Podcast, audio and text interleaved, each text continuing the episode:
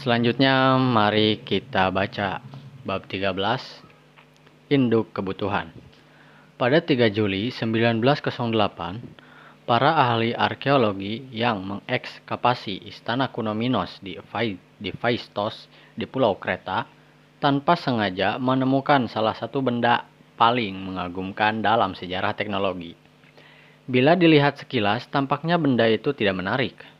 Hanya cangkram bundar kecil rata, tak bercat, terbuat dari tanah liat yang dibakar sampai keras, berdiameter 16,5 cm. Sewaktu dikaji baik-baik, ternyata masing-masing sisinya tertutupi tulisan yang diterakan pada garis melengkung yang membentuk spiral searah jarum jam sebanyak lima lengkungan dari tepi cangkram ke tengahnya. Total 241 lambang huruf dibagi-bagi dengan rapi oleh garis-garis vertikal yang diguratkan menjadi kelompok-kelompok yang masing-masing terdiri atas beberapa lambang. Barangkali merupakan kata-kata. Sang penulis pastilah telah merancangkan dan membuat cangkram itu dengan teliti, sehingga Tulisannya dimulai di pinggir cangkram dan mengisi seluruh ruang yang ada di sepanjang garis yang membentuk spiral, namun tak kehabisan ruang sebelum mencapai pusat. Sejak ditemukan, cangkram itu menghadirkan misteri bagi para ahli sejarah tulisan. Jumlah lambang yang berbeda 45 tampaknya menunjukkan bahwa tulisan yang digunakan merupakan silabari, bukan alfabet. Namun tulisan pada cakram itu belum berhasil dibaca dan bentuk-bentuk lambangnya tak mirip dengan lambang-lambang pada sistem tulisan apa pun yang telah diketahui. Tak secuil pun karya lain yang menggunakan jenis tulisan aneh itu muncul 30-89 tahun setelah penemuannya. Dengan demikian, belum diketahui apakah cangkram Phaistos mempres, merepresentasikan jenis tulisan asli kereta atau hasil impor asing ke kereta. Bagi ahli sejarah teknologi, cangkram Paistos bahkan lebih membingungkan. Pengukuran umurnya yang diperkirakan dari 1700 sebelum Masehi menjadikan cangkram tersebut sampai sejauh ini merupakan dokumen cetak tertua di dunia. Bukannya diguratkan dengan tangan, seperti semua teks dalam jenis tulisan linear A dan linear B yang muncul belakangan di kereta, lambang-lambang pada cakram itu dicap dengan cetakan timbul di atas tanah liat lunak yang nantinya dibakar sampai keras. Cetakan itu tampaknya terdiri atas satu set cap berjumlah 40 buah, masing-masing satu untuk setiap lambang yang muncul di cakram Phaistos. Pastilah butuh usaha keras untuk membuat cap-cap tersebut dan pastilah mereka tidak dibuat hanya untuk mencetak satu dokumen itu saja. Siapa pun yang menggunakannya barangkali banyak tulisan, banyak menulis. Dengan cap-cap itu, sang pemilik bisa membuat salinan secara jauh lebih cepat dan rapi daripada bila dia menuliskan setiap lambang-lambang rumit dari jenis tulisan itu satu persatu setiap kali huruf tersebut muncul. Cakram Vaistos muncul sebelum upaya-upaya manusia berikutnya untuk mencetak tulisan, yang secara serupa menggunakan ukiran atau blok huruf, namun dicetak dengan tinta di atas kertas, bukan tanpa tinta di atas tanah liat. Tapi upaya-upaya itu baru muncul 2500 tahun kemudian di Cina, dan 3100 tahun kemudian di Eropa zaman pertengahan. Mengapa teknologi dini cakram itu tidak diadopsi secara luas di kereta ataupun tempat lain di Mediterania kuno? Mengapa metode cetakannya diciptakan pada sekitar 1700 sebelum Masehi di Kreta dan tidak pada waktu lain di Mesopotamia, Meksiko atau pusat tulisan kuno lainnya. Mengapa kemudian butuh ribuan tahun untuk menggabungkan gagasan tinta dan pencetakan sehingga timbullah mesin cetak tinta?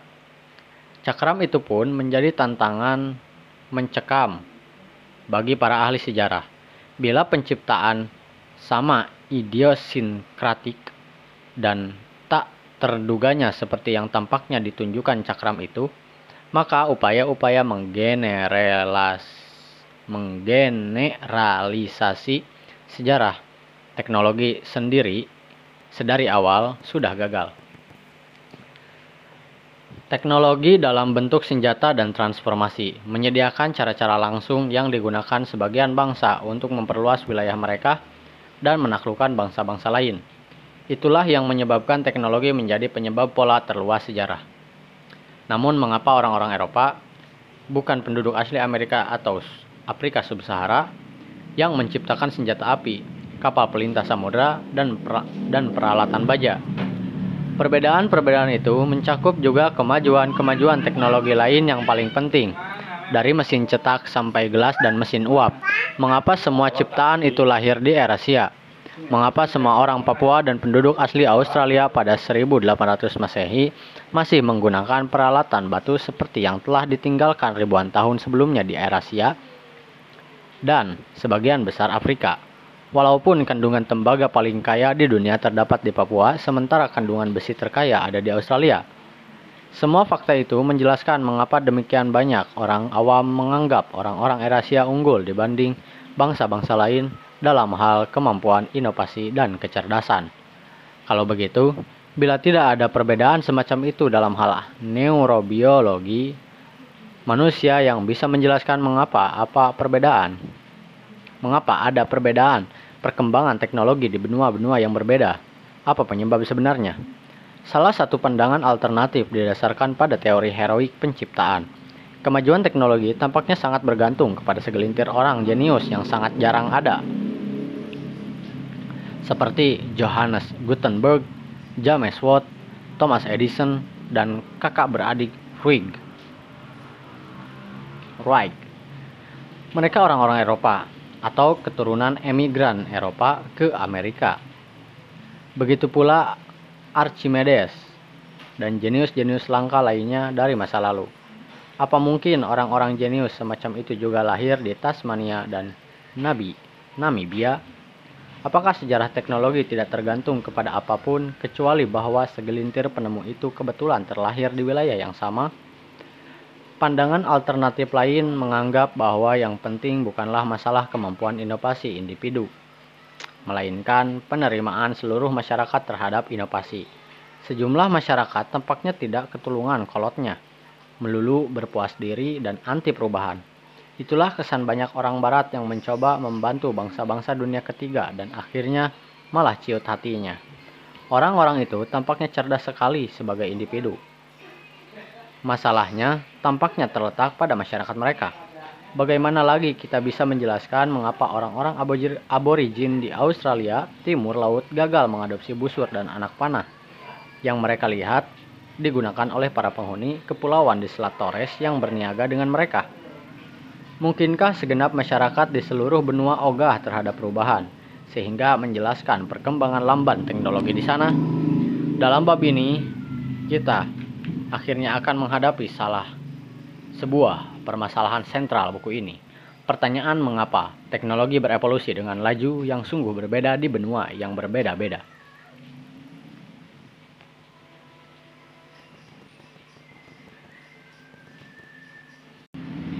Titik awal diskusi kita adalah pendapat umum yang tertuang dalam pari, dalam peribahasa kebutuhan adalah induk penciptaan.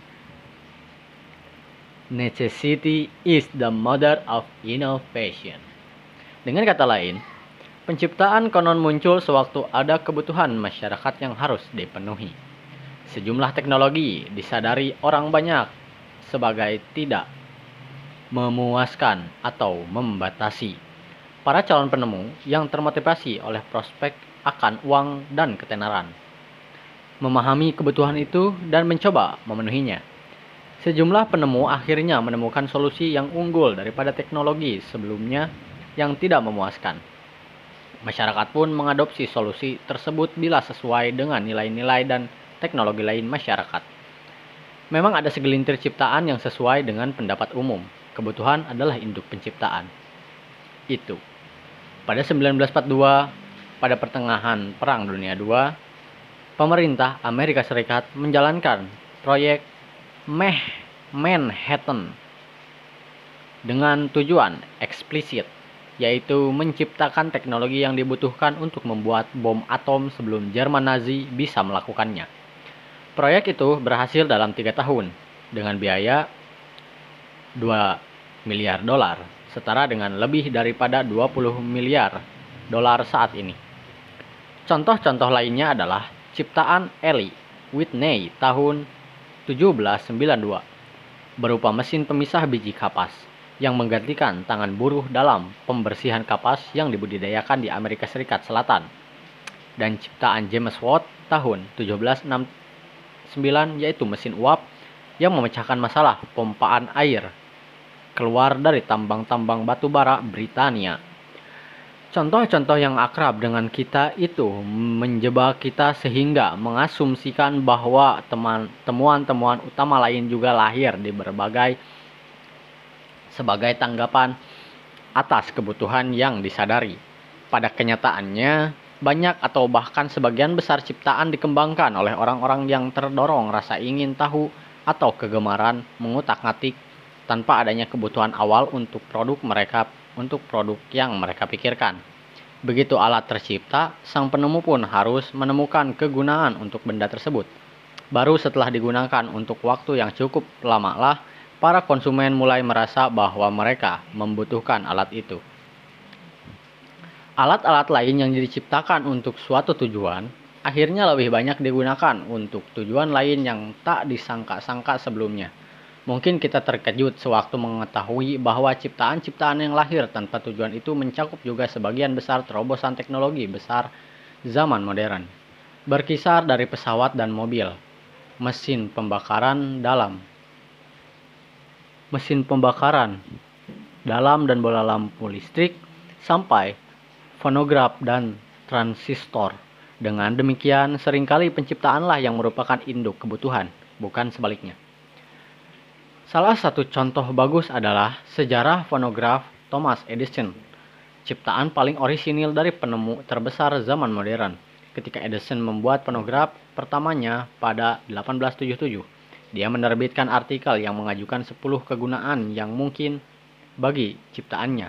Antara lain merekam kata-kata terakhir orang-orang yang sekarat, merekam buku untuk didengar orang buta, mengumumkan waktu, dan mengajar dan mengajarkan mengeja. Reproduksi musik bukan prioritas utama Edison.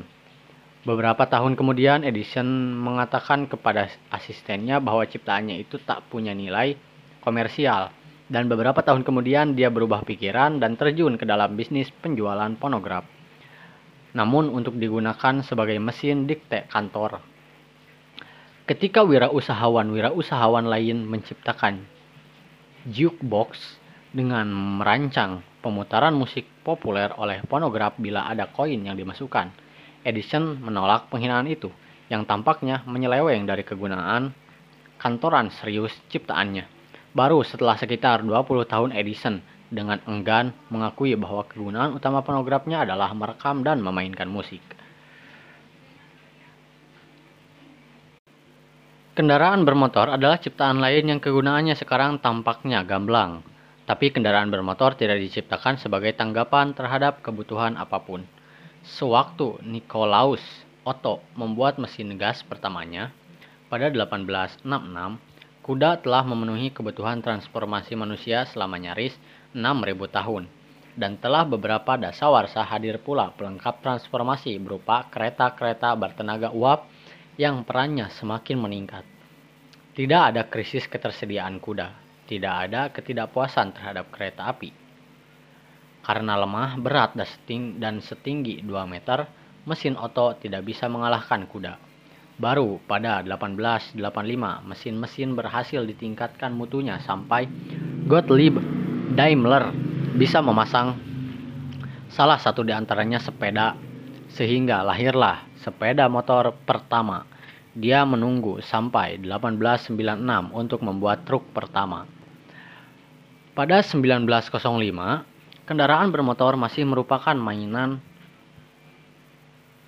mahal dan tak bisa diandalkan bagi orang-orang kaya. Masyarakat masih sangat puas dengan kuda dan kereta api sampai Perang Dunia I.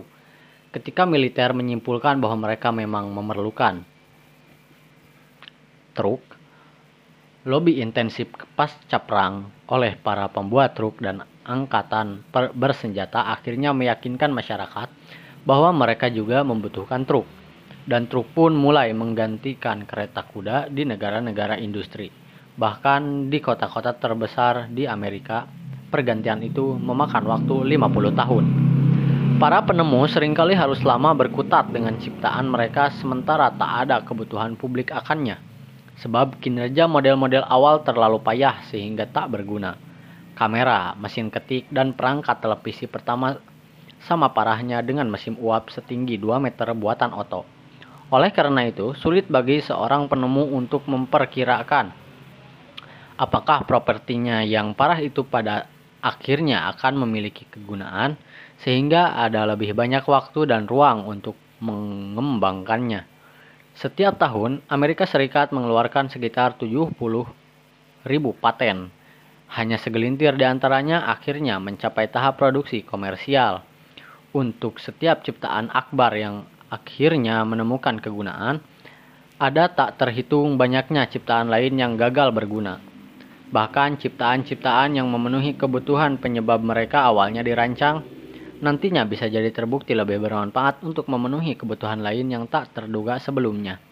Meskipun James Watt merancang mesin uap untuk memompa air dari tambang, dengan segera mesin itu menyediakan tenaga untuk penggilingan kapas kemudian dengan laba yang jauh lebih besar, menggerakkan kereta api dan kapal. Dengan demikian, pandangan umum mengenai ciptaan yang menjadi titik awal kita sebenarnya menggambarkan peran, peran umum ciptaan dan kebutuhan secara terbalik. Pandangan itu juga melebih-lebihkan arti penting orang jenius langka seperti Watt dan Edison. Teori heroik penciptaan, begitulah istilahnya, didorong oleh hukum paten Sebab orang yang mendaftarkan paten harus membuktikan bahwa ciptaan yang diajukan itu betul-betul baru. Dengan demikian, para penemu memiliki insentif finansial untuk meremehkan atau mengabaikan karya sebelumnya.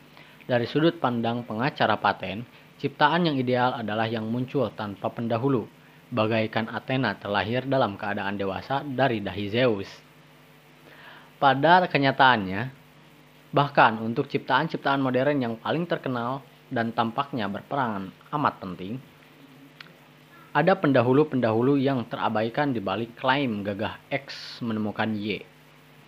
Misalnya, kita biasa diajari bahwa James Watt menemukan mesin uap pada 1796. Konon gara-gara melihat uap keluar dari moncong teko. Sayangnya kisah itu hanyalah fiksi indah saja karena Watt sebenarnya mendapatkan gagasan untuk membuat mesin uap tersebut sewaktu memperbaiki model mesin uap Thomas Newcomen yang Newcomen ciptakan 57 tahun sebelumnya dan telah dibuat sebanyak 100 lebih di Inggris pada waktu Watt memperbaiki salah satunya. Mesin Newcomen sendiri dibuat berdasarkan mesin uap yang dipatenkan Thomas Savery dari Inggris pada 1698 yang dibuat berdasarkan mesin uap yang dirancang, namun tak pernah dibuat. Denis Papin dari Prancis pada sekitar 1680 yang, sendiri, yang sendirinya didahului oleh gagasan-gagasan ilmuwan Belanda, Christian Huygens, dan orang-orang lain. Ini semua bukan dimaksudkan untuk membantah bahwa Watt sangat memperbagus mesin Newcomen dengan menambahkan kondensor uap terpisah dan silinder kerja ganda. Seperti juga Newcomen telah sangat memperbagus mesin Saperi. Sejarah serupa bisa ditemukan bagi setiap ciptaan modern yang terdokumentasi secara memadai. Pahlawan yang biasanya dinyatakan sebagai penemu suatu barang sebenarnya mengikuti para penemu sebelumnya yang memiliki tujuan serupa dan telah menghasilkan rancangan, model yang bisa bekerja atau seperti pada kasus mesin uap Newcomen, model-model yang sukses secara komersial. Ciptaan terkenal berupa bola lampu pijar yang tercipta pada malam 21 Oktober 1879 adalah hasil peningkatan dari banyak bola lampu pijar lain yang dipatenkan oleh penemu, lain antara 1841 dan 1878. Serupa dengan itu, Pesawat terbang berawak dan bermesin ciptaan kakak beradik Wright didahului oleh peluncur berawak tanpa mesin ciptaan Otto Lilienthal dan pesawat bermesin tanpa awak ciptaan Samuel Laile Langley. Telegraf Samuel Morse didahului oleh ciptaan Joseph Henry, William Cook, dan Charles Wheatstone, sementara mesin pemisah kapas bertangkai pendek ciptaan Eli Whitney adalah hasil peningkatan hasil peningkatan mesin pemisah kapas bertangkai panjang yang telah berusia ribuan tahun. Untuk untuk semua bukan berarti kita membantah bahwa Watt, Edison, kakak beradik Wright, Morse, dan Whitney membuat perbaikan-perbaikan besar yang karenanya meningkatkan atau memunculkan sukses. Komersial. Bentuk ciptaan yang akhirnya diadopsi mungkin akan agak berbeda bila tidak ada sumbangsih sang penemu. Namun pertanyaan bagi tujuan-tujuan kita adalah apakah bola apakah pola luas sejarah dunia akan sangat berubah seandainya seorang penulis jenius tidak terlahir di tempat dan waktu yang tertentu itu? Jawabannya jelas, tak pernah ada orang semacam itu. Untuk semua penemu terkenal yang diakui, ada pendahulu dan penerus yang memiliki kemampuan dan para penemu itu membuat peningkatan mereka ketika masyarakat mampu menggunakan produk tersebut. Seperti yang akan kita lihat, tragedi dari sang pahlawan yang menyempurnakan cap-cap digunakan untuk cakram Paystone adalah dia merancang sesuatu yang masyarakat di masanya belum bisa eksploitasi eksploitasi dengan skala besar. Contoh-contoh saja sejauh contoh-contoh saya sejauh ini diambil dari teknologi modern karena sejarah mereka yang diketahui dengan baik. Dua kesimpulan utama saya adalah teknologi berkembang secara kumulatif, bukan sebagai tindakan-tindakan heroik terisolasi, dan bahwa sebagian besar kegunaannya ditemukan justru setelah teknologi tersebut diciptakan, bukan diciptakan untuk memenuhi kebutuhan yang telah diperkirakan sebelumnya. Kesimpulan-kesimpulan ini tentunya berlaku dengan sangat lebih kuat dari sejarah teknologi kuno yang tidak terdokumentasi. Seketika para pemburu pengumpul zaman es menyadari sisa-sisa pasir dan batu gamping yang terbakar perapian mereka. Mustahil mereka memperkirakan akumulasi temuan kebetulan yang berlangsung lama, yang akhirnya melahirkan jendela-jendela kaca Romawi pertama. Sekitar satu Masehi, melalui benda-benda pertama dengan permukaan berglasir, sekitar 4000 sebelum Masehi Benda kaca pertama yang berdiri sendiri dari Mesir dan Mesopotamia sekitar 2500 sebelum Masehi dan wadah-wadah gelas pertama sekitar 1500 sebelum Masehi. Kita tidak tahu apa-apa mengenai bagaimana permukaan-permukaan berglasir tertua yang diketahui dikembangkan. Terlepas dari itu, kita bisa menyimpulkan mengenai metode-metode penciptaan prasejarah dengan mengamati orang-orang masa kini yang teknologinya masih primitif.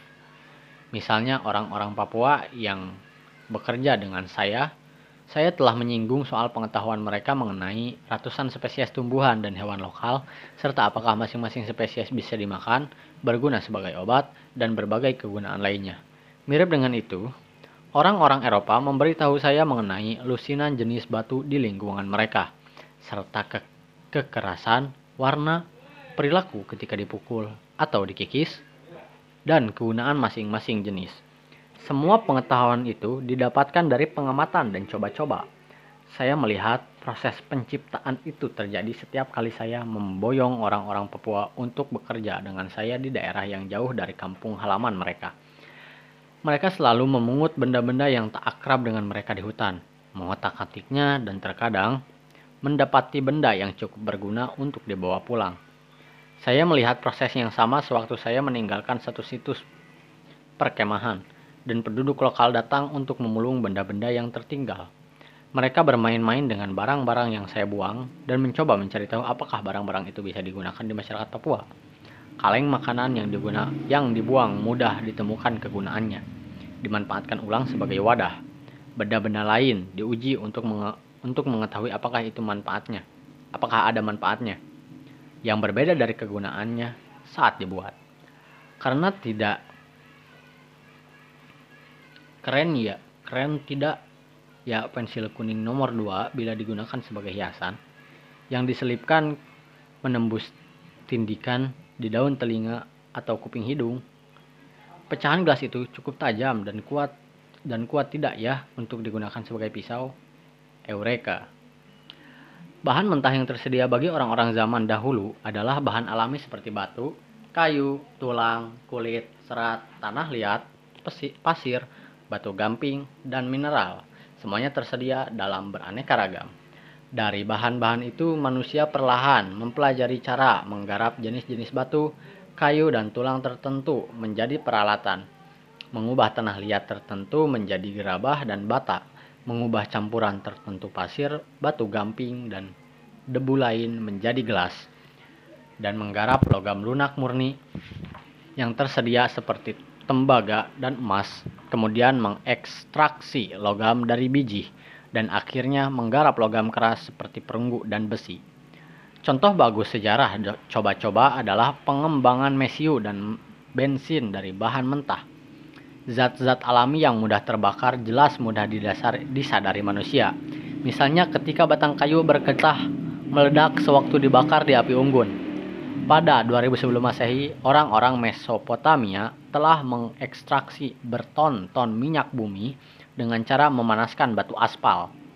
Orang-orang Yunani kuno menemukan kegunaan untuk berbagai campuran minyak bumi, ter, resin, belerang, dan kapur untuk membuat proyektil senjata bakar yang diluncurkan dengan katapel, anak panah, bom api, dan kapal. Keahlian penyulingan yang dikembangkan para ahli alkimia Islam zaman pertengahan untuk membuat alkohol dan parfum. Juga memungkinkan mereka menyuling berbagai fraksi minyak bumi, yang sebagian di antaranya terbukti merupakan bahan proyektil bakar yang bahkan lebih hebat lagi. Proyektil bakar tersebut yang diluncurkan dengan granat, roket, dan torpedo berperan penting dalam keberhasilan belantara Islam mengalahkan pasukan salib sesudahnya. Pada waktu itu, orang-orang Cina telah mengamati bahwa campuran tertentu belerang, batu bara, dan kalium nitrat yang lantas dikenal sebagai mesiu sangatlah mudah meledak satu tulisan kimia Islam dari sekitar 100 1100 Masehi menjabarkan tujuh resep mesiu, sementara tulisan lain dari sekitar 100 1280 Masehi menjabarkan 70 lebih resep yang terbukti cocok untuk berbagai tujuan berbeda. Ada yang untuk roket, ada juga yang untuk meriam. Kalau soal penyulingan minyak bumi pasca, pasca zaman pertengahan, Para ahli kimia abad ke-19 menemukan praksi sulingan yang ada di tengah bergunanya berbagai bahan bakar untuk lampu minyak. Ahli-ahli kimia itu membuat praksi yang paling mudah terbakar, bensin, yang zat sisa yang sebagai zat sisa yang tak berguna. Sampai kemudian ditemukan ternyata bensin adalah bahan bakar ideal untuk mesin pembakaran internal Siapa yang hari ini ingat bahwa bensin, bahan bakar peradaban modern, bermula sebagai temuan tanpa gunaan, tanpa tanpa kegunaan? Ternyata bensin adalah bahan sisa yang dulunya tidak berguna. Namun sekarang bensin menjadi zat kimia utama bagi kendaraan bermotor. Begitu seorang penemu telah menemukan kegunaan untuk teknologi baru, langkah berikutnya adalah membujuk masyarakat untuk menggunakannya. Alat yang semata lebih besar, lebih cepat, lebih dikdaya untuk melakukan sesuatu, bukan jaminan masyarakat akan mudah menerimanya. Tak terhitung jumlah teknologi semacam itu yang tidak dipakai sama sekali atau baru dipakai oleh penolakan yang lama. Contoh-contoh terkenal antara lain penolakan Kongres Amerika Serikat untuk mendanai pengembangan angkutan supersonik pada 1971. Penolakan dunia terus-menerus terhadap papan tuts ketik yang dirancang secara efisien dan penolakan Britania untuk waktu lama terhadap lampu listrik. Apa yang mendorong suatu ciptaan diterima oleh masyarakat? Mari mulai dengan membandingkan penerimaan berbagai ciptaan berbeda di dalam masyarakat yang sama. Ternyata, ada setidaknya empat faktor yang mempengaruhi penerimaan. Faktor paling pertama adalah paling gamblang adalah keunggulan ekonomi relatif dibandingkan dengan teknologi yang sudah ada. Sementara roda sangat bermanfaat dalam masyarakat industri modern. Tidak demikian adanya dalam sejumlah masyarakat lain. Penduduk asli Meksiko zaman dahulu menemukan kendaraan beroda dengan poros untuk digunakan sebagai mainan, bukan untuk transformasi poros. Untuk, bukan untuk transformasi. Ternyata hal itu mencengangkan bagi kita, sampai kita renungkan bahwa orang-orang Meksiko kuno tak memiliki hewan domestik untuk diikatkan ke kendaraan beroda mereka yang karena itu tak menawarkan keunggulan apa-apa dibandingkan kuli manusia. Pertimbangan kedua adalah nilai dan gengsi sosial yang bisa mengalahkan keuntungan ekonomi yang ada atau tidak ada. Jutaan orang saat ini membeli jeans rancangan desainer yang harganya dua kali lipat jeans biasa yang sama tahan lamanya. Karena gengsi sosial yang diberikan label desainer itu nilainya lebih daripada harga ekstra yang harus kita bayarkan Serupa dengan itu, Jepang terus menggunakan sistem tulisan kanji yang luar biasa merepotkan, bukan alfabet yang efisien atau silabari, karena Jepang yang juga efisien. Karena gengsi yang dilekatkan kepada kanji sungguh besar. Satu lagi faktor adalah kecocokan dengan kepentingan tertanam. Buku ini, seperti barangkali setiap dokumen hasil ketikan lain yang pernah ada Anda baca, diketik dengan papan ketik QWERTY yang dinamakan sebagai sesuai enam huruf paling kiri di baris teratas. Meskipun sekarang terdengar mustahil, tatanan papan ketik itu dirancang pada 1873 sebagai tindakan anti rekayasa. Papan ketik itu memanfaatkan serangkaian muslihat licik yang dirancang untuk memaksa juru ketik untuk mengetik selamban mungkin. Misalnya menyebarkan huruf yang paling sering dipakai pada berbagai baris berbeda di papan tuts yang memusatkan huruf-huruf itu di bagian kiri. Di mana orang yang tidak kidal harus menggunakan tangan mereka yang lebih lemah. Alasan dibalik semua ciri yang tampaknya kontra, kontraproduktif itu adalah mesin-mesin ketik pada 1873 macet bila tuts-tuts yang bersebelahan dipencet secara berturutan dengan cepat sehingga pembuat mesin ketik harus memperlambat para juru ketik. Ketika dihasilkan mesin-mesin ketik yang lebih bagus sehingga tidak ada lagi masalah tutus macet, percobaan-percobaan pada 1932 dengan papan ketik yang ditata secara efisien menunjukkan bahwa dengan papan baru itu kita bisa mengetik dengan kecepatan dua kali lipat dan mengurangi usaha kita mengetik sebanyak 95%. Namun, papan ketik QWERTY telah bercongkol kuat saat itu. Kepentingan tertanam ratusan juta justru.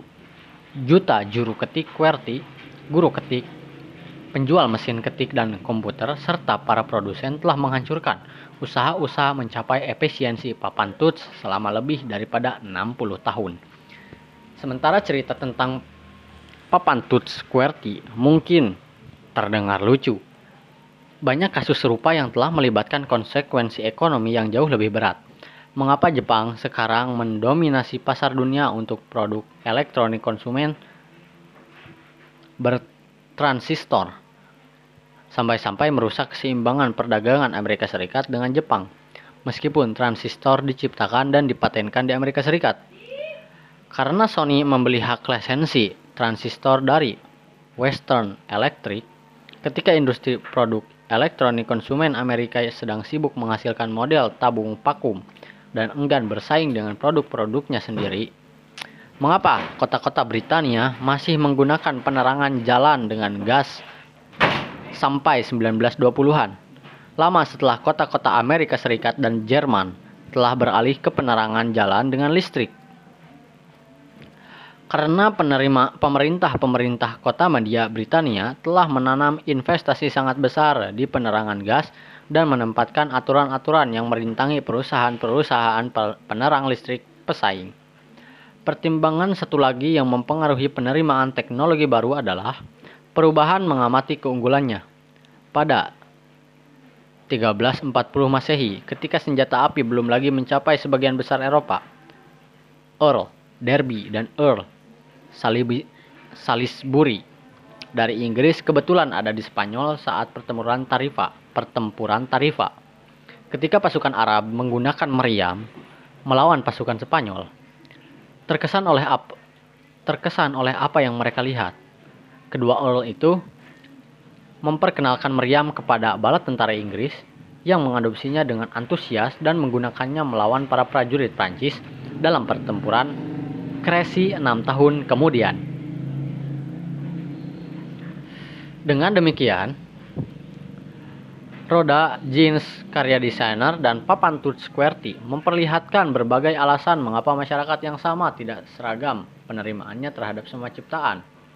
Sebaliknya, penerimaan terhadap ciptaan yang sama juga sangat beragam di masyarakat-masyarakat yang sejaman. Kita semua akrab dengan generalisasi yang menyatakan bahwa konon masyarakat-masyarakat pedesaan dunia ketiga kurang terbuka menerima inovasi daripada masyarakat-masyarakat industri yang terwesternisasi terwesternisasi bahkan di dalam dunia industri sejumlah daerah lebih mudah menerima inovasi daripada daerah lain Perbedaan-perbedaan semacam itu, bila berskala benua, dapat menjelaskan mengapa teknologi berkembang lebih cepat di sejumlah benua dibandingkan di benua lain. Misalnya, bila semua masyarakat aborigin Australia karena suatu alasan sama-sama menolak perubahan, mungkin itulah mungkin itulah sebabnya mereka masih terus menggunakan peralatan batu setelah peralatan logam muncul di setiap benua lain. Bagaimana bisa ada perbedaan penerimaan di antara masyarakat yang berbeda-beda? Daftar ringkasan berisi setidaknya 14 faktor yang menjelaskan hal itu telah diajukan oleh ahli sejarah teknologi. Salah satunya adalah harapan hidup yang panjang, yang pada dasarnya memberikan calon penemu tahun-tahun yang dibutuhkan untuk mengumpulkan pengetahuan teknis. Juga kesabaran dan rasa aman untuk melaksanakan program-program pengembangan yang berlangsung lama dan baru mendatangkan ganjaran di kemudian hari. Oleh karena itu, Harapan hidup yang sangat meningkat berkat kedokteran modern mungkin telah bersumbangsi bagi laju penciptaan yang sangat tinggi akhir-akhir ini.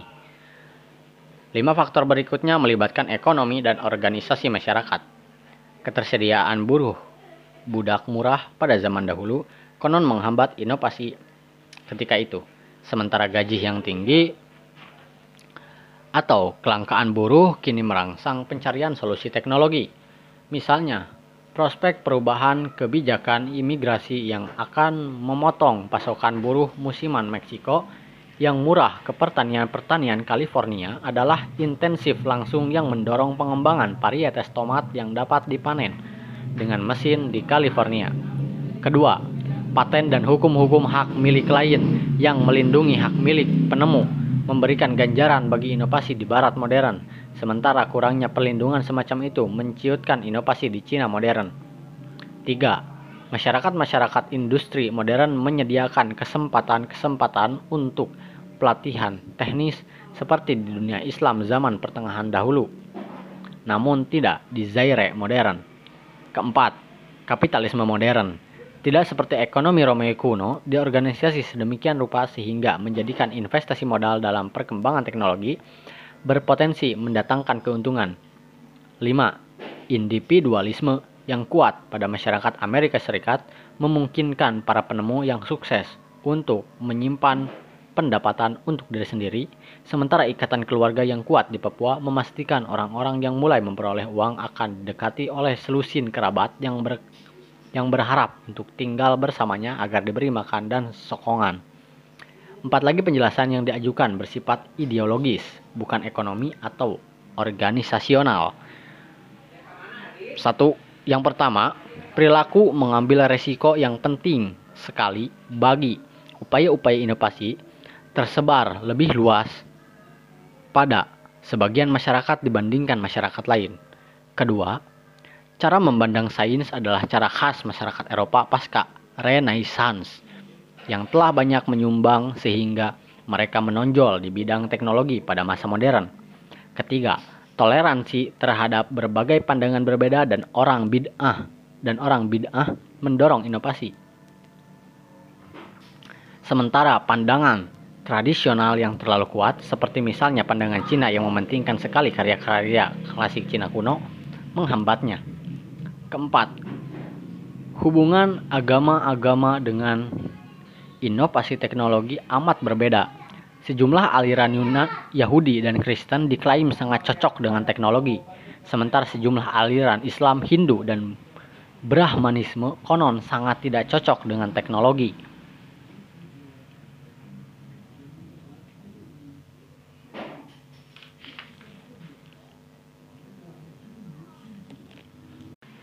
Kesepuluh hipotesis kesepuluh hipotesis itu masuk akal, namun tidak satu pun di antaranya yang berhubungan langsung dengan geografi. Bila hak paten, kapitalisme, dan agama tentu memang mendorong teknologi, apa yang menyeleksi sehingga faktor-faktor itu unggul di Eropa pasca zaman pertengahan tapi tidak di Cina atau India pada masa yang sama. Setidaknya arah pengaruh ke 10 faktor itu terhadap teknologi tampaknya jelas. Keempat faktor lain yang diajukan, perang, pemerintah terpusat, iklim, dan keberlimpahan sumber daya, sepertinya bertindak secara tidak konsisten. Terkadang mereka merangsang teknologi, terkadang menghambatnya. Satu, dalam sejarah, perang sering kali menjadi perangsang utama inovasi teknologi. Misalnya, investasi besar yang ditanamkan kepada senjata nuklir saat Perang Dunia II dan kepada pesawat serta truk saat Perang Dunia I. Meluncurkan bidang-bidang teknologi yang sepenuhnya baru, namun perang juga bisa mendatangkan kemunduran-kemunduran, merusak dalam perkembangan teknologi. Kedua, pemerintah terpusat yang kuat mendorong teknologi di Jerman dan Jepang saat akhir abad ke-19, namun menekannya di Cina setelah 1500 Masehi. Banyak orang Eropa Utara menganggap bahwa teknologi berkembang pesat dalam iklim yang keras di mana manusia tak memiliki sintas tanpa teknologi dan layu dalam iklim yang ramah, di mana pakaian tak diperlukan dalam konon pisang berjatuhan begitu saja dari pohon. Pandangan yang bertentangan menyatakan bahwa lingkungan yang ramah menjadikan manusia bebas dari keharusan berjuang terus-menerus demi mempertahankan keberadaannya, sehingga bebas berinovasi sepenuhnya. 4. Juga ada perdebatan mengenai apakah teknologi dirangsang oleh kelimpahan ataukah kelangkaan sumber daya lingkungan. Sumber daya yang melimpah mungkin merangsang perkembangan berbagai ciptaan untuk memanfaatkan sumber daya tertentu. Misalnya, teknologi kincir air di Eropa Utara yang sering hujan dengan sungainya yang banyak. Namun mengapa teknologi kincir air tidak berkembang lebih cepat di Papua yang hujannya lebih banyak lagi? Penghancuran hutan-hutan Britania telah diajukan sebagai alasan mengapa negara tersebut maju sebagai maju lebih dahulu dalam mengembangkan teknologi batubara. Tapi mengapa penggundulan hutan semacam itu tidak berefek sama di Cina? Diskusi ini belum lagi tiba di ujung daftar alasan yang diajukan untuk menjelaskan mengapa masyarakat berbeda dalam menerima teknologi baru. Yang lebih buruk lagi, semua penjelasan langsung itu merupakan penghindaran dari pernyataan, pertanyaan mengenai faktor yang mendasar di belakangnya. Itu mungkin tampak seperti kemunduran yang menciutkan hati dalam upaya kita memahami jalan sejarah. Sebab tak diragukan lagi bahwa teknologi merupakan salah satu kekuatan terbesar dalam sejarah. Tapi sekarang saya akan berargumen bahwa keanekaragaman faktor mandiri di balik inovasi teknologi sebenarnya mempermudah, bukan mempersulit kita dalam memahami pola luas sejarah. Untuk tujuan-tujuan buku ini, pertanyaan kunci mengenai data ringkas itu adalah apakah faktor-faktor semacam itu berbeda secara sistematis dari benua ke benua. Dan oleh karena itu, menyebabkan timbulnya perbedaan-perbedaan dalam perkembangan teknologi di benua-benua. Kebanyakan orang awam dan banyak ahli sejarah mengasumsikan, baik secara terbuka ataupun malu-malu, bahwa jawabannya, jawabannya adalah iya. Misalnya, banyak yang percaya bahwa orang-orang aborigin Australia sebagai satu kelompok memiliki kesamaan ciri-ciri ideologis yang menyebabkan keterbelakangan teknologi mereka. Dulu atau sekarang, mereka dianggap konservatif, hidup dalam masa mimpi penciptaan dunia pada masa lalu, pada masa lalu yang khayalan belaka dan tidak terfokus pada cara-cara praktis untuk meningkatkan masa kini. Seorang ahli sejarah terkemuka mengenai Afrika menyebut orang-orang Afrika sebagai orang-orang yang berpuas diri dan tak memiliki dorongan ekspansi seperti orang-orang Eropa. Namun semua klaim semacam itu didasarkan pada spekulasi semata. Tidak pernah ada penelitian mengenai banyak masyarakat yang berbeda dalam kondisi-kondisi sosioekonomi serupa di kedua benua itu, yang menunjukkan perbedaan ideologi sistematis antara bangsa-bangsa penghuni kedua benua tersebut. Penalaran yang biasa diterapkan malah melingkar-lingkar karena ada perbedaan teknologi, pasti ada perbedaan ideologi yang bersangkutan. Pada kenyataannya, saya sering mengamati di Papua bahwa masyarakat-masyarakat asli sana juga sangat berbeda dalam hal cara pandang yang mendominasi, seperti juga Eropa dan Amerika yang terindustrialisasi Papua yang tradisional memiliki masyarakat kolot yang menolak cara-cara baru. Hidup berdampingan dengan masyarakat inovatif yang secara selektif mengadopsi cara-cara baru. Hasilnya, ketika teknologi barat daya, ketika teknologi barat tiba, masyarakat yang lebih terbuka kemudian memanfaatkan teknologi barat untuk mengalahkan tenaga-tenaga mereka yang kolot. Misalnya, ketika orang-orang Eropa mencapai dataran tinggi Papua Timur, PNG untuk pertama kali. Pada 1930-an, mereka menemukan lusinan suku zaman batu yang tak pernah berhubungan dengan dunia luar sebelumnya. Dan di antara mereka, suku Cimbu adalah yang paling agresif dalam mengadopsi teknologi barat. Ketika orang-orang Cimbu melihat pemukim kulit putih menanam kopi, mereka mulai membudidayakan kopi juga sebagai tanaman pangan penghasil uang.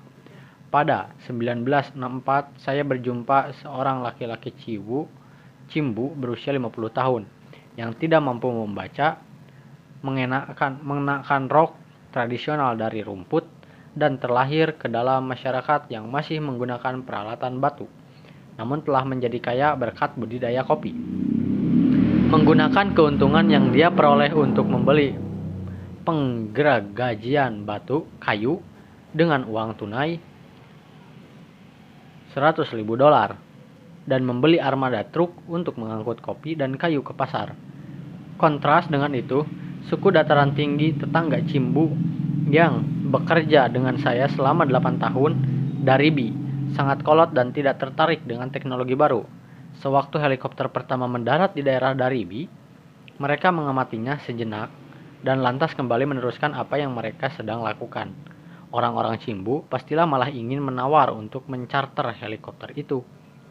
Sebagai akibatnya, orang-orang Cimbu kini merambah ke dalam daerah Daribi, mengambil alihnya untuk dijadikan perkebunan dan menjadikan orang-orang Daribi sebagai pekerja mereka.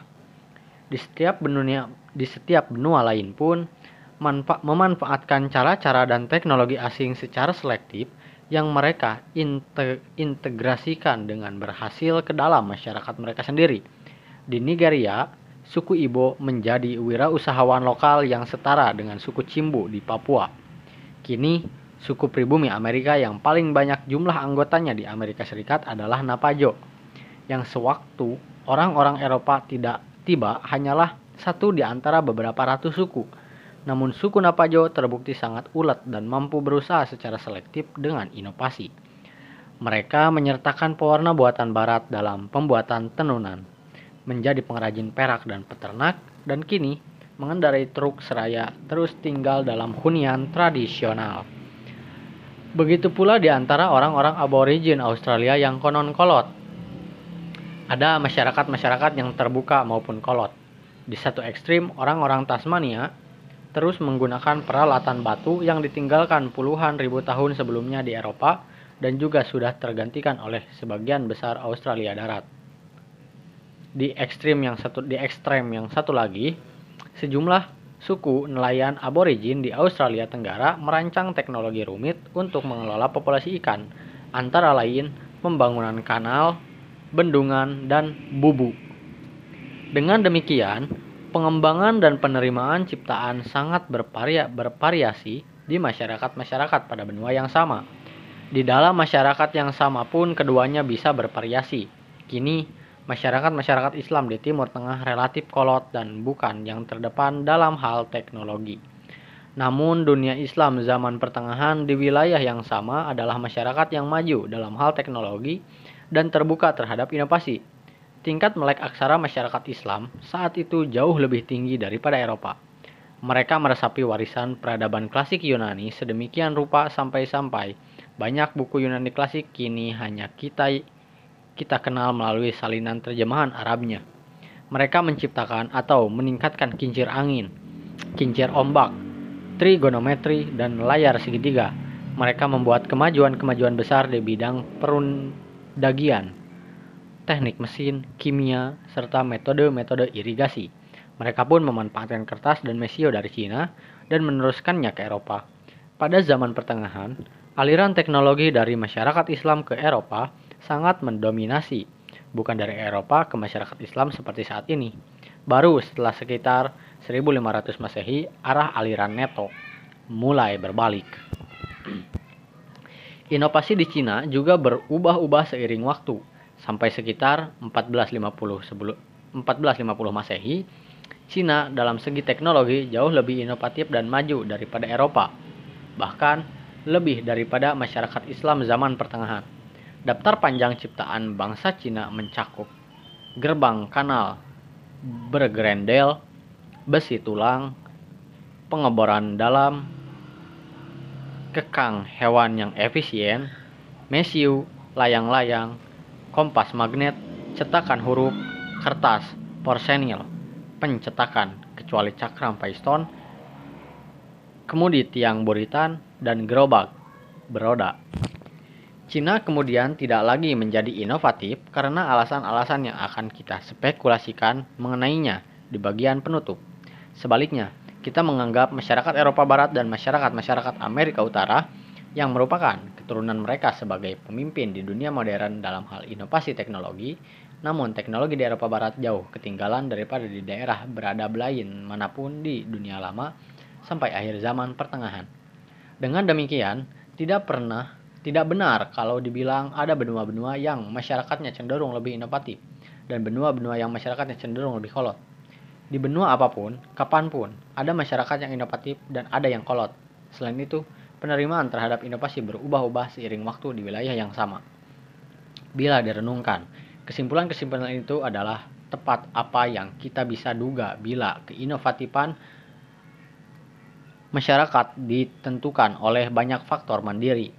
Tanpa pengetahuan terperinci mengenai semua faktor itu, keinovatifan menjadi tak bisa diperkirakan oleh karena itu, para ilmuwan sosial terus memperdebatkan alasan-alasan spesifik mengenai mengapa keberterimaan berubah-ubah di masyarakat Islam, Cina, dan Eropa, serta mengapa suku Cimbu, Ibo, dan Napajo lebih terbuka terhadap teknologi baru daripada tetangga-tetangga mereka. Meskipun demikian, bagi peneliti pola-pola luas sejarah, tidak ada bedanya alasan-alasan spesifik apa yang ada di balik setiap kasus itu. Banyaknya faktor yang mempengaruhi keinovatifan justru malah mempermudah kerja ahli sejarah.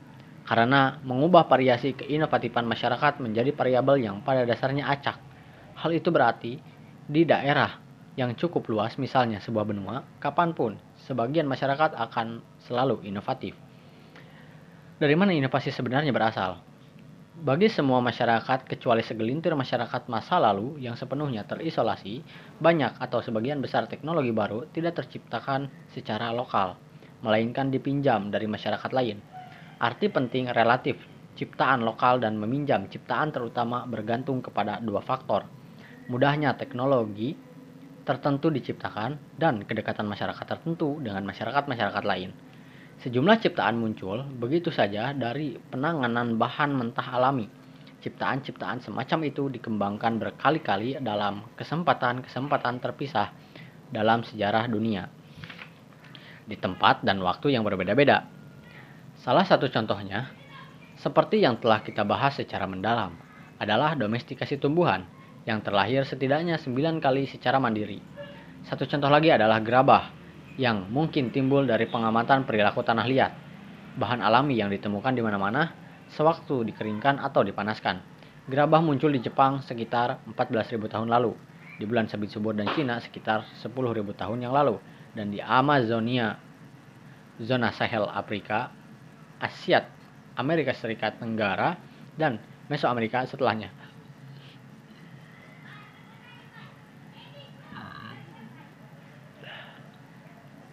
Contoh ciptaan yang jauh lebih sulit adalah tulisan, yang tidak muncul begitu saja dari hasil mengamati bahan alami apa pun.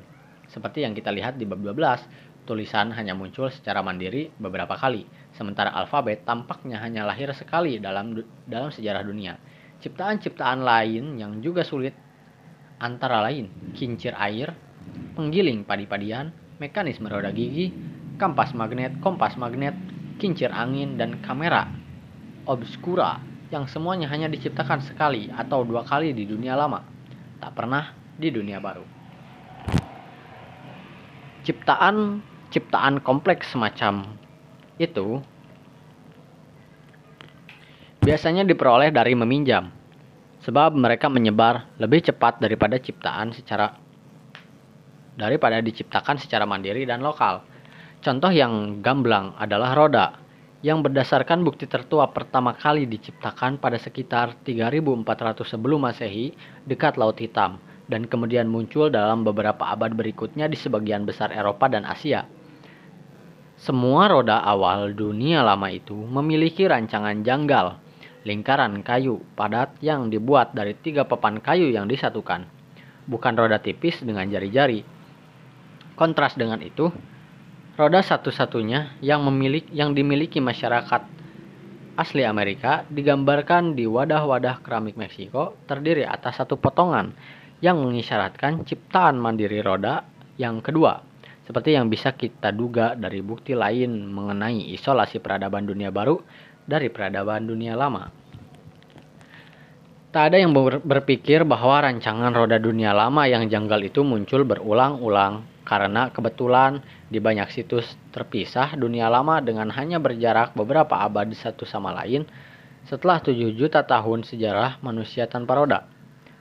Justru kegunaan roda jelas menyebabkannya menyebar cepat ke timur dan barat di dunia lama dari satu-satunya tempat roda tercipta. Contoh-contoh lain teknologi kompleks yang menyebar ke timur dan barat di dunia lama zaman dahulu dari sumber dari satu sumber Asia Barat yang sama mencakup gerendel pintu, katrol, penggiling padi-padian, kincir angin, dan alfabet. Contoh penyebaran teknologi baru adalah perundiaga, perundagian yang menyebar dari Andes melalui Panama dan Mesoamerika. Sewaktu ciptaan yang amat berguna betul-betul muncul di satu masyarakat, ciptaan itu lantas cenderung menyebar dalam satu dari dua cara. Salah satu cara adalah masyarakat-masyarakat lain melihat dan menjadi tahu soal ciptaan itu, reseptif terhadapnya, dan memakainya. Yang kedua adalah masyarakat yang tidak memiliki ciptaan itu mendapati diri kalah unggul dari masyarakat yang menciptakannya dan mereka menjadi terkalahkan serta tersingkirkan jika selisih keunggulan itu cukup besar. Contoh sederhana adalah penyebaran bedil di antara suku-suku Maori Selandia Baru salah satu suku Ngapuhi mengadopsi bedil dari para saudagar Eropa pada sekitar 1818. Selama 15 tahun berikutnya, Selandia Baru terguncang oleh apa yang disebut Perang Bedil. Sebab suku-suku yang tidak mengenal bedil akhirnya memperoleh bedil atau ditundukkan oleh suku-suku yang telah dipersenjatai bedil. Hasilnya adalah teknologi bedil telah menyebar ke seluruh Selandia Baru pada 1833 semua suku Maori yang masih ada kini memiliki bedil. Sewaktu masyarakat mengadopsi teknologi baru dari masyarakat yang menemukannya, penyebaran mungkin terjadi dalam banyak konteks. Konteks tersebut antara lain perdagangan damai, seperti pada penyebaran transistor dari Amerika Serikat ke Jepang pada 1954. Spionase penyelundupan ulat sutra dari Asia Tenggara ke Timur Tengah pada 552 Masehi, emigrasi, penyebaran kaca, dan teknik pembuatan pakaian Prancis ke seluruh Eropa ketika 200.000 orang Huguenot diusir dari Prancis pada 1685 dan perang. Salah satu contoh penting konteks penyebaran teknologi akibat perang adalah transfer teknik-teknik pembuatan kertas Cina ke masyarakat Islam yang terjadi ketika bala tentara Arab mengalahkan bala tentara Cina dalam pertempuran dalam pertempuran Sungai Talas di Asia Tengah pada 751 Masehi. Bala tentara Arab mendapati ada sejumlah pembuatan kertas di atas tawanan mereka, di antara tawanan mereka, yang lantas mereka bawa ke Samarkand untuk mendirikan pabrik kertas. Dalam bab 12 kita lihat bagaimana difusi budaya bisa melibatkan cetak biru terperinci ataupun hanya gagasan-gagasan kabur yang merangsang penciptaan kembali perincian perinciannya.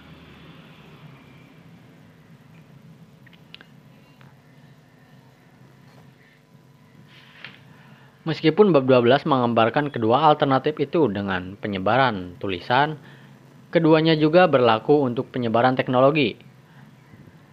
Paragraf sebelumnya membeberkan contoh-contoh penyalinan cetak biru, sementara transfer teknologi porselin Cina ke Eropa menjadi contoh difusi gagasan yang berlangsung lama sekali. Porselin, sejenis gerabah mengilap berbutir halus, diciptakan di Cina pada sekitar abad ke-7 Masehi. Sewaktu mulai mencapai Eropa melalui jalur sutra pada abad ke-14 tanpa informasi mengenai cara pembuatannya, porselin sangat dikagumi dan dilaksanakanlah berbagai upaya gagal untuk menirunya. Baru pada 1707, ahli alkemi Jerman Johann Botger, Botger setelah lama mencoba-coba dengan berbagai proses dan pencampuran berbagai mineral serta tanah liat, menemukan pemecahan dan mendirikan bengkel porselin Mason yang kini ternama. Percobaan-percobaan yang kurang lebih mandiri yang dilakukan setelahnya di Prancis dan Inggris melahirkan porselin Shepers, Wedgwood, dan Spode dan Spode. Dengan demikian, para ahli gerabah Eropa harus menciptakan ulang sendiri metode-metode pembuatan porselin Cina, namun mereka dirangsang untuk melakukannya oleh model-model produk yang mereka kehendaki di hadapan mereka. Tergantung lokasi geografis.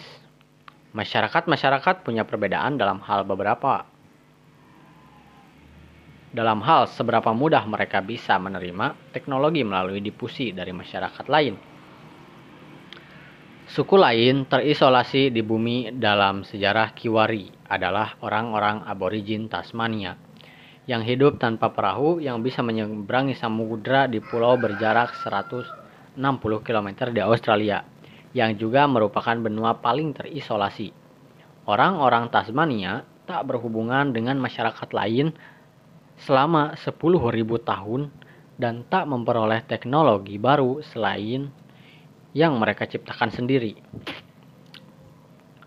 Orang-orang Australia dan Papua yang terpisah dari benua Asia oleh rangkaian kepulauan Indonesia menerima hanya segelintir ciptaan dari Asia Masyarakat-masyarakat yang paling luas aksesnya dalam menerima ciptaan melalui difusi adalah yang bertempat tinggal di benua-benua besar.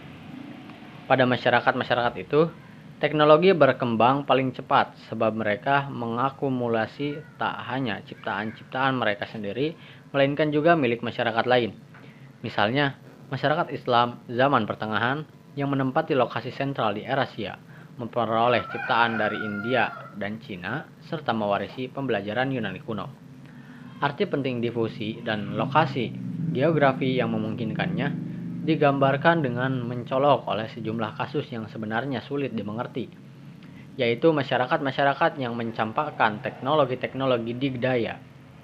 Kita cenderung mengasumsikan bahwa teknologi berguna. Begitu diperoleh, pastilah bertahan sampai dikalah dimanfaatkan oleh teknologi yang lebih bagus. Pada kenyataannya, teknologi tak hanya harus diperoleh, melainkan juga dipertahankan. dan hal itu pun bergantung kepada banyak faktor yang tak bisa diperkirakan. Masyarakat apa pun mengalami gerakan sosial atau kegandrungan singkat, di mana untuk sementara benda-benda yang tak bermanfaat ekonomi menjadi dianggap berharga atau benda bermanfaat turun nilainya.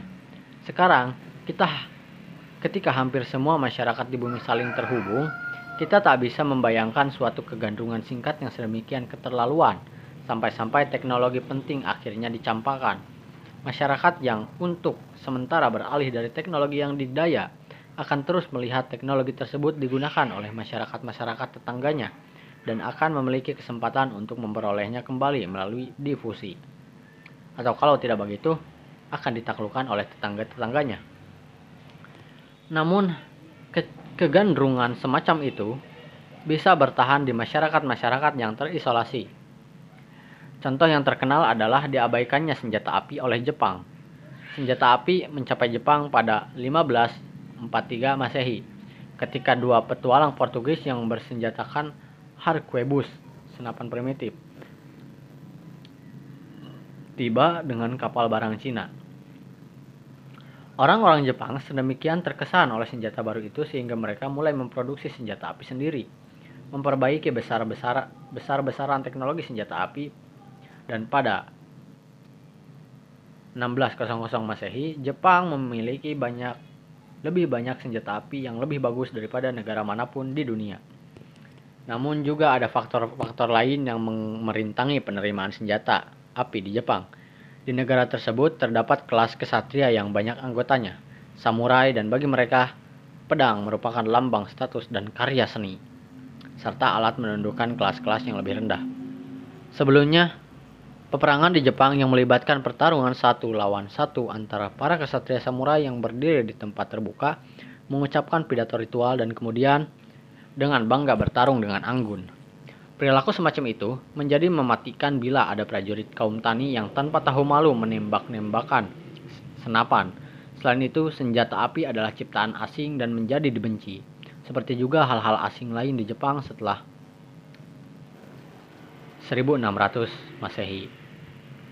Pemerintahan yang dikontrol kaum samurai mulai membatasi produksi senapan di beberapa kota saja. Kemudian memperkenalkan persyaratan berupa lisensi pemerintah untuk membuat senapan. Kemudian mengeluarkan lisensi hanya untuk senapan yang dibuat untuk pemerintah dan akhirnya mengurangi pesanan senapan oleh pemerintah sampai Jepang nyaris tak memiliki senapan fungsional lagi. Para penguasa Eropa yang sejaman yang yang sejaman juga ada yang membenci senapan dan mencoba membatasi ketersediaannya. Namun tindakan-tindakan semacam itu tidak pernah berlanjut jauh di Eropa di mana negara mana pun yang sejenak saja ogah menggunakan senjata api akan dengan segera dilindas oleh negara-negara tetangganya yang menenteng-nenteng senjata. Hanya karena Jepang merupakan pulau terisolasi yang berpenduduk banyak, maka negara tersebut bisa selamat meskipun menolak teknologi militer baru yang didaya itu. Keamanannya dalam kondisi terisolasi itu berakhir pada 1853 ketika kunjungan armada Amerika Serikat yang dipimpin Laksamana Perry dan membawa banyak meriam membuat Jepang yakin bahwa mereka perlu memulai lagi pembuatan senjata api. Penolakan itu dan pengabaian Cina terhadap kapal-kapal yang bisa menyemak yang bisa menyeberangi samudra, juga jam mekanis dan mesin pital bertenaga air, dikenal baik sebagai contoh-contoh sejarah kemunduran teknologi di masyarakat-masyarakat yang terisolasi atau sebagian terisolasi. Kemunduran-kemunduran lain semacam itu terjadi juga pada zaman prasejarah. Kasus yang eks, kasus yang ekstrem adalah orang-orang aborigin Tasmania yang bahkan mencapakan peralatan tulang dan penangkapan ikan sehingga menjadi masyarakat dengan teknologi paling sederhana di dunia modern. Orang-orang aborigin Australia mungkin telah memakai dan kemudian mencapakan busur dan anak panah. Penduduk Kepulauan Torres mencapakan senapan sementara penduduk kepulauan Gawa mencapak, mencampakkan lantas memakainya kembali. Gerabah dicampakkan di seluruh Polinesia. Kebanyakan orang-orang Polinesia dan banyak orang Ma Melanesia mencampakkan penggunaan busur dan anak panah dalam perang. Orang-orang Eksimo Kutub kehilangan busur, anak panah, dan kayak, sementara orang-orang Eksimo Dorset kehilangan busur, anak panah, bor busur, dan anjing. Contoh-contoh ini yang awalnya sangat janggal bagi kita, dengan sangat baik menunjukkan peran geografi dan penyebaran dalam sejarah teknologi. Tanpa penyebaran, lebih sedikit teknologi yang diperoleh, dan lebih banyak teknologi yang tadinya ada malah hilang. Karena teknologi menghasilkan lebih banyak teknologi, arti penting penyebaran suatu ciptaan berpotensi mengalahkan arti penting ciptaan yang asli. Sejarah teknologi adalah contoh sesuatu yang diistilahkan proses otokatalitik, yaitu proses yang semakin cepat seiring berlalunya waktu karena proses itu mempercepat dirinya sendiri. Ledakan teknologi sejak evolusi sejak revolusi industri membuat kita sekarang terkesan. Namun ledakan teknologi zaman pertengahan sama mengesankannya dengan ledakan teknologi di zaman perunggu yang sendirinya kalah dari ledakan teknologi zaman batu tua atas.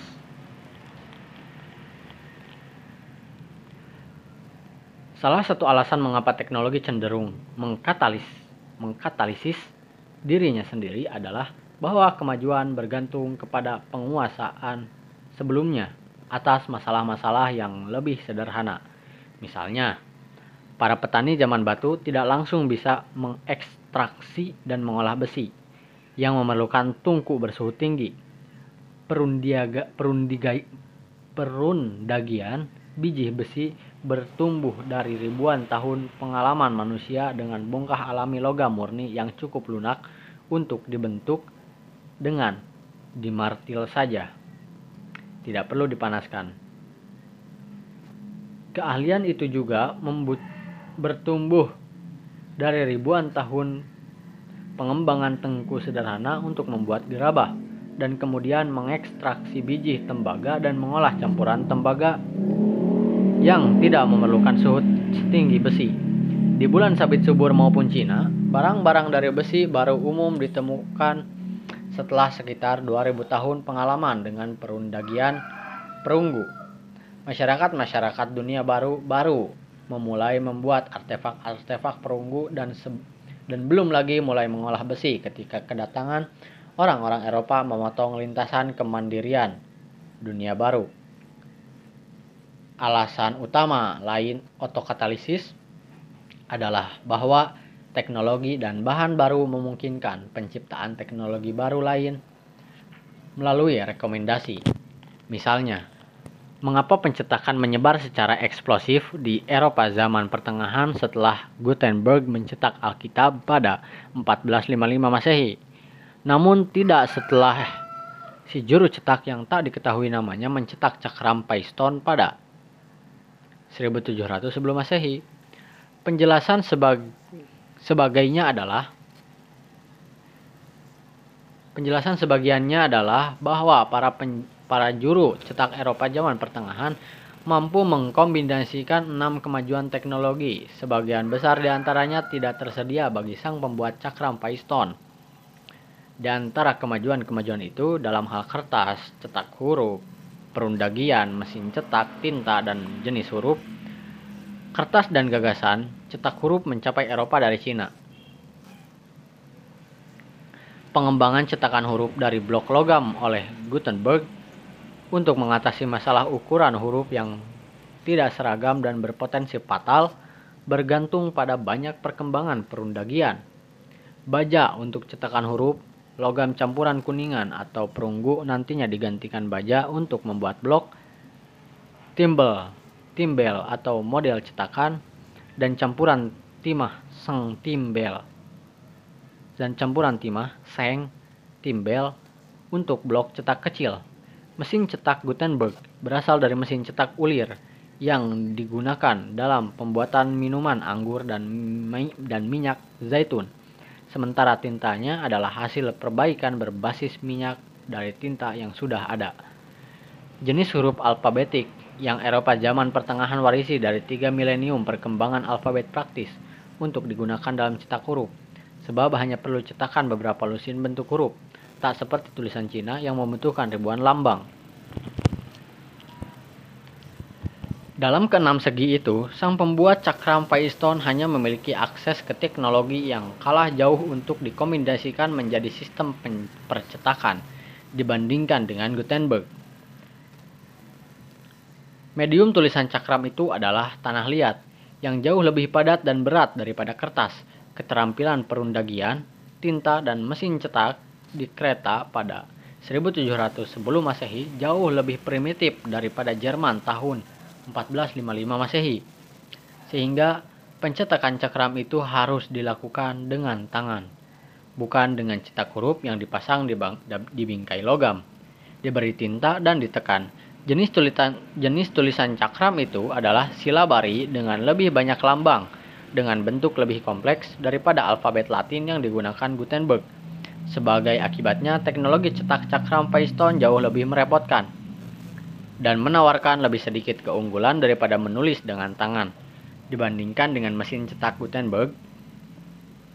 Selain segala kekurangan teknologi itu, cakram Paystone dicetak pada saat pengetahuan tulisan terbatas pada segelintir juru tulis istana atau kuil saja. Oleh karena itu, tidak banyak permintaan atas produk cantik sang pembuat cakram dan sedikit in insentif untuk berinvestasi dalam membuat lusinan blok cetak yang harus ditekan dengan tangan. Sementara itu, pasar massal potensial bagi percetakan di Eropa zaman pertengahan mendorong banyak investor yang meminjamkan uang kepada Gutenberg. Teknologi manusia berkembang dari peralatan batu pertama yang digunakan dua setengah juta tahun lalu sampai printer laser 1996 yang menggantikan printer laser 1992 saya yang sudah ketinggalan zaman dan digunakan mencetak manuskrip buku ini. Tingkat perkembangan pada awalnya luar biasa lambat, sampai sulit dideteksi. Ketika ratusan ribu tahun berlalu tanpa perubahan berarti dalam peralatan batu kita, dan tanpa bukti tersisa dari artefak-artefak yang terbuat dari bahan-bahan lain, kini teknologi maju sedemikian cepat sehingga diwartakan setiap hari di surat kabar. Dalam sejarah panjang perkembangan yang semakin cepat itu, kita bisa menunjukkan dua lompatan yang sangat signifikan. Yang pertama, terjadi antara 100.000 dan 50.000 tahun lalu. Barangkali mungkinkah oleh perubahan genetis dalam tubuh kita, yakni melalui evolusi anatomi modern yang memungkinkan kemampuan bicara modern atau fungsi otak modern atau keduanya, lompatan itu menyebabkan kita memiliki peralatan tulang, peralatan batu, berkegunaan tunggal, dan peralatan majemuk Lompatan kedua adalah akibat gaya hidup menetap yang terjadi pada waktu berbeda-beda di bagian dunia yang berbeda-beda. Sedini 13.000 tahun lalu di beberapa daerah dan bahkan sebelum mulai saat ini di beberapa daerah lain. Adopsi tersebut sebagian besar terkait dengan dipraktikannya produksi pangan yang mengharuskan kita tetap dekat-dekat dengan tanaman pangan, ladang, dan simpanan makanan berlebih kita. Gaya hidup menetap bersifat menentukan bagi sejarah teknologi karena memungkinkan manusia mengakumulasi harta benda yang tak bergerak. Teknologi pemburu pengumpul yang nomaden terbatas pada yang bisa dibawa-bawa. Jika kita sering berpindah tempat dan tak memiliki kendaraan atau hewan helak, harta benda kita pun terbatas pada bayi, senjata, dan segala keperluan minimal lain yang cukup kecil untuk dibawa. Kita tak bisa direpotkan oleh gerabah dan mesin cetak saat berpindah camp. Kesulitan praktis di barang kesulitan praktis itu barangkali menjelaskan kemunculan dini yang menge, yang mengejutkan pada sejumlah teknologi diikuti oleh penundaan lama dalam perkembangan mereka selanjutnya. Misalnya, pendahulu keramik tertua yang diketahui adalah patung-patung kecil dari tanah liat yang dibuat di daerah yang pada masa modern dikenal sebagai Cekoslowakia. 27.000 tahun silam. Lama sebelum wadah tanah liat bakar tertua diketahui dari Jepang 14 tahun yang lalu. Daerah Cekoslowakia yang sama pada waktu yang sama juga memiliki batu bukti-bukti tertua anyaman yang tak ada lagi jejaknya setelah itu sebelum keranjang tertua yang diketahui muncul sekitar 13.000 tahun silam dan kain anyaman tertua yang diketahui sekitar 9.000 tahun silam. Terlepas dari langkah-langkah pertama yang sangat dini, Gerabah maupun anyaman mampu berkembang pesat ketika manusia mulai menetap dan karena itu tidak lagi harus repot memindah-mindahkan kuali dan mesin tenun. Selain memungkinkan kehidupan menetap dan karenanya akumulasi harta benda, produksi pangan bersifat menentukan dalam sejarah teknologi untuk alasan lain. Untuk pertama kali dalam sejarah evolusi manusia, Manusia pun bisa mengembangkan masyarakat yang terspesialisasi secara ekonomi, yang terdiri atas spesialis-spesialis yang bukan produsen pangan, yang diberi yang diberi makan oleh kaum tani yang memproduksi makanan. Namun sudah kita lihat di bagian dua buku ini bahwa produksi pangan muncul pada waktu yang berbeda-beda di benua yang berbeda-beda. Selain itu, seperti yang kita lihat di bab ini, teknologi lokal bergantung dalam muasalnya dan pemeliharaannya tak hanya kepada ciptaan lokal namun juga dipusi teknologi dari tempat lain. Pertimbangan itu cenderung menyebabkan teknologi berkembang paling cepat di benua-benua dengan sedikit rintangan geografis dan teknologi terhadap penyebaran, baik di dalam benua itu maupun di benua lain. Terakhir, setiap masyarakat di suatu benua merupakan satu kesempatan untuk mencipta dan mengadopsi teknologi. Sebab keinovatifan masyarakat berbeda-beda karena beraneka ragam alasan tersendiri. Oleh karena itu, bila segala faktor lain setara, teknologi berkembang paling cepat di wilayah wilayah luas yang produktif dengan populasi manusia yang besar, banyak penemu potensial dan banyak masyarakat yang bersaing. Sekarang marilah kita rangkum bagaimana variasi dalam ketiga faktor itu. Waktu kemunculan produksi pangan, rintangan terhadap penyebaran dan ukuran populasi manusia secara langsung menyebabkan perbedaan antar benua yang teramati dalam hal perkembangan teknologi. Erasia secara efektif mencakup juga Afrika Utara adalah masa daratan terluas di dunia, meliputi paling banyak masyarakat yang bersaing. Erasia juga merupakan masa daratan dengan dua pusat di mana produksi makanan bermula paling dini, bulan sabit subur dan Cina. Sumbu utama timur baratnya memungkinkan banyak ciptaan yang diadopsi di satu bagian Eurasia untuk menyebar secara relatif cepat ke masyarakat-masyarakat yang tinggal di posisi lintang dan iklim yang serupa di daerah-daerah lain di Eurasia. Lebar sepanjang sumbu minornya utara selatan lain utara selatan jauh berbeda dengan sempitnya Amerika dan tanah genting Panama. Di tanah genting Panama, di Eurasia tidak ada rintangan ekologis berat seperti membelah sumbu-sumbu utama Amerika dan Afrika. Dengan demikian, rintangan geografis dan ekologis terhadap penyebaran teknologi tidak seberapa parah di Eurasia dibandingkan dengan di benua lain. Berkat semua faktor itu, Eurasia adalah benua di mana teknologi melalui percepatan pasca Pleistosen paling dini dan menghasilkan akumulasi teknologi lokal terbesar. Amerika Utara dan Selatan biasa dianggap sebagai benua terpisah, namun keduanya telah berhubung selama beberapa juta tahun, menghadirkan masalah-masalah sejarah yang sama, dan bisa dipertimbangkan sebagai satu benua yang dibandingkan dengan Eurasia.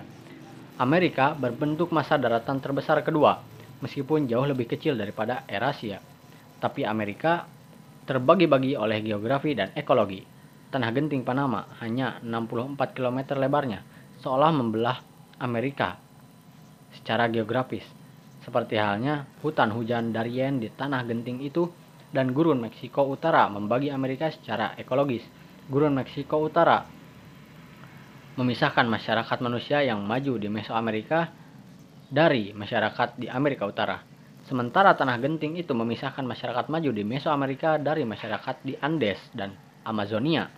Selain itu, sumbu utama Amerika adalah utara selatan memaksa sebagian besar penyebaran untuk melawan gradiens garis lintang dan iklim, bukan bekerja dalam garis lintang yang sama. Misalnya, roda ditemukan di Mesoamerika, sementara lama didomestikasi di Andes dengan di Andes Tengah pada 3000 sebelum Masehi.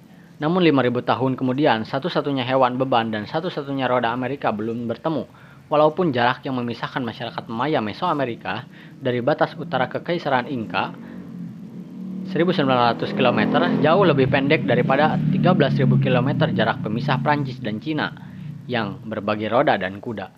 Faktor-faktor itu bagi saya merupakan penyebab ketertinggalan teknologi Amerika dibandingkan Eurasia. Afrika Sub-Sahara adalah masa daratan terbesar ketiga di dunia, jauh lebih kecil daripada Amerika. Sepanjang sepanjang sebagian besar sejarah manusia, Afrika Sub-Sahara jauh lebih mudah diakses di, dari Eurasia daripada Amerika. Namun, gurun Sahara tetap merupakan rintangan ekologis utama yang memisahkan Afrika Sub-Sahara dari Eurasia plus Afrika Utara. Sumbu utara selatan Afrika memberikan halangan lebih lanjut terhadap penyebaran teknologi antara Eurasia dan Afrika Sub-Sahara walaupun di dalam wilayah Sub-Sahara sendiri. Sebagai sebagai gambaran halangan sumbu benua itu, gerabah dan perundagian besi muncul atau muncul atau mencapai zona Sahel Afrika Sub-Sahara di sebelah utara Katulistiwa setidaknya sama dini dengan kedatangan di Eropa Barat. Tapi gerabah baru mencapai ujung selatan Afrika pada sekitar satu Masehi dan perundagian belum lagi menyebar melalui darat ke ujung selatan pada saat perundagian tiba di satu di situ bersama orang-orang Eropa yang berlayar dengan kapal. Terakhir, Australia adalah benua terkecil. Curah hujan dan produktivitas yang sangat rendah di sebagian besar Australia menjadikannya lebih kecil lagi bila ditilik dari kemampuannya menyokong populasi manusia. Australia juga merupakan benua paling terisolasi.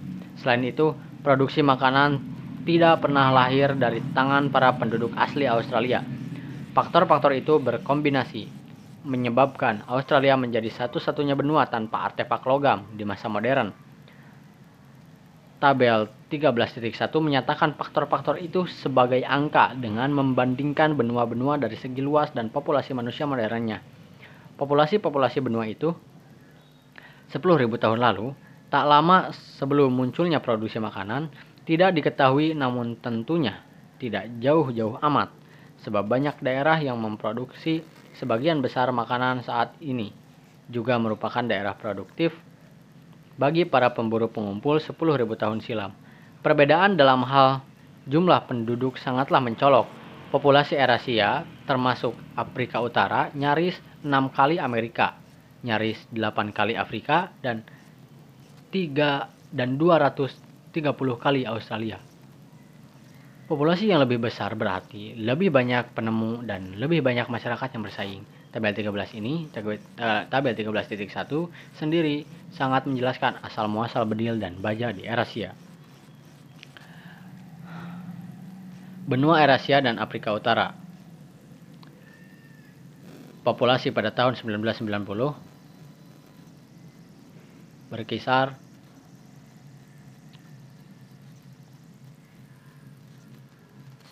empat miliar 120 juta ribu 120 juta. Luas daerah 24 juta 200 Erasia. Erasia 4 miliar. Dengan luas daerah 21.500, lalu Afrika Utara populasinya 120, 120 juta. Dengan luas daerah 2.700. Amerika Utara dan Amerika Selatan. Populasi populasi manusia pada 1990 736.000 luas daerah 16.400 Afrika Sub-Sahara 535 juta. Dengan luas daerah 9 juta 100 Australia 18 juta. Dengan luas daerah per mil persegi 3 juta semua efek yang diberikan, perbedaan benua-benua dalam segi luas populasi, kemudahan difusi, dan kemunculan produksi makan terhadap kelahiran teknologi menjadi sangat besar karena teknologi mengkatalis mengkatalisis dirinya sendiri. Keunggulan awal Eurasia yang cukup besar pun mewujudkan mewujud menjadi keunggulan raksasa pada 1492 oleh karena geografi Eurasia yang berbeda bukan karena kecerdasan manusia yang berbeda. Ada calon-calon Edison di antara orang-orang Papua yang saya kenal, namun mereka mengarahkan kecerdikan mereka untuk mengatasi masalah-masalah teknologi yang sesuai dengan situasi mereka. masalah untuk masalah untuk hidup tanpa barang-barang impor dalam rimba Papua, bukan masalah menciptakan fonograf.